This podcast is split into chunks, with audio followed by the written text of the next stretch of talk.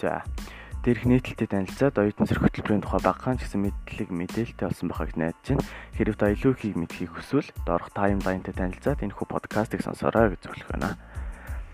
За Оюутан зэрэг хөтөлбөрийн үндсэн зорилгын талаар товчхон танилцуулъя. Оюутан зэрэг хөтөлбөрийн үндсэн зорилго нь Монгол Улсын магадлалын итгэмжлэгдсэн ихтэйд сургуулийн бакалаврын анги оюутнуудыг суралц хугацаанд нь цэргийн эрчимсэн сургалтад тусгай хөтөлбөрөөр цэргийн бэлтгэл сургалтанд хамруулан цэргийн алба халах замаар эх орноо батлан хамгаалах төрийн алба хаших, эрүүл чирэг бие бэлдэр сэтгэл зүйн болон цэргийн бэлтгэлтэй залуусын тоог нэмэгдүүлж улс орныг батлан хамгаалах чадварыг сайжруулан дайчилгааны бэлтгэл үүрэгтний нөөцийг хангах нь энэ хөтөлбөрийн гол зорилго, зорилт юм аа. За, оюутан зэрэг хөтөлбөрийн цэргийн сургалт хэрхэн явагддаг вэ?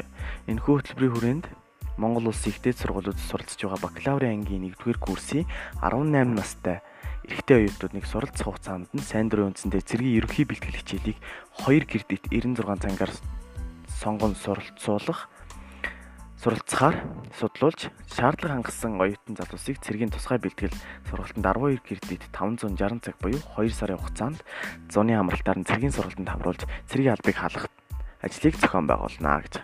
Илүү ойлгомжтойгоор тайлбарлах юм бол хамгийн эхлээд оюутнууд маань энэхүү хөтөлбөрт хамрагдахын тулд 18 нас хүрсэн 1-р курсын бакалаврын анги оюутан байх ёстой. Үүний дараагаар 1-р курс эхний семестрийнхээ голч дүнгээр ихтэй сургуультай жагсан өрсөлдөж сургуулиас тогтоосон квоттой багтах хэрэгтэй байна. Сургуультай сургуульда дотроо өрсөлдөн шалгарч чадсан тохиолдолд цэргийн эрүүл мэндийн үйлчлэгээр орж бие биелтрийн хувьд цэргийн албыг хаах бүрэн чадвартай гэсэн эмчийн онцлогод өгөлт гарвал цааш оюутан цэрэг хөтөлбөрт эсэхнийг болцлоо хангасан гэж үзэж байна. Үүний дараагаар би мөн биеийн тамирын шалгалт авдаг. Энэ нь болохоор 1000 м буюу холын зангуйлт 3 минутанд багтаж гүйж ирэх ёстой. А мөн 100 м буюу ойрын зангуйлт 15 секундэд гүйж багтаж гүйж ирэх ёстой. Хамгийн сүүл гидсний таталт 2 минутанд 55 буюу түүнээс дэш хийх ёстой. За гэх мэтчлэн эдгээр гурван зүйлээс хамгийн багадаа нэгийг нь хийж гүйцэтгэж чадсан тохиолдолд бие биелтрийн шалгалтандаа тэнцэнэ. Ингээд үүний дараа бас нэг зүйл бий. Энэ болохоор танхимын сургалт байдаг. Энэ ойролцоогоор 2 сар үргэлжилдэг. Амралтын өдөр бүрийн өглөө 9 цагаас өдрийн 2 цаг хүртэл буюу ойрол 2 оролтондоо нийт 10 цагийн цэргийн онлайн мэдлэг олох сургалт явагддаг. За энэ нь орох хвцаа нийт 3 удаа 2 сарын хугацаанд нийт 3 удаагийн цэргийн онлайн мэдлэгийн шалгалт авдаг. Бүгдд нь 60-аас дээш гарсан тохиолдолд оюутан зэрэг хөтөлбөрт хамрагдах бүрэн эрхтэй болтгоо гэж ойлгож байна. За тэгээ энэхүү хөтөлбөрийг хэрэгжүүлсний үр дүнд нь юу юм бэ гэх юм бол оюутан зэрэг хөтөлбөрийг хэрэгжүүлсний зэвсэгт хүчний дайчилгааны бэлтгэл үүрэгтний нөөц нэмэгдэж улс орноо батлан хамгаалах иргэдийн бэлтгэл сайжирч ихтэй сургууль төгсөгчид төрийн албанд шууд орж ажиллах нөхцөл бүрдэх бөгөөд оюутан залуус ихтэй сургууль суралцах хугацаанд цэргийн ерөнхий бэлтгэл цэргийн тусгай бэлтгэл сургалтанд хамрагдах замаар цэргийн жинхэнэ албыг биеэр хаах боломж өртөж байгаа.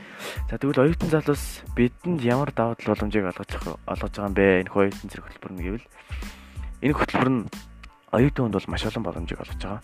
Энэ боломжийг яаж ашиглах нь бол тэр хувь хүний асуудал.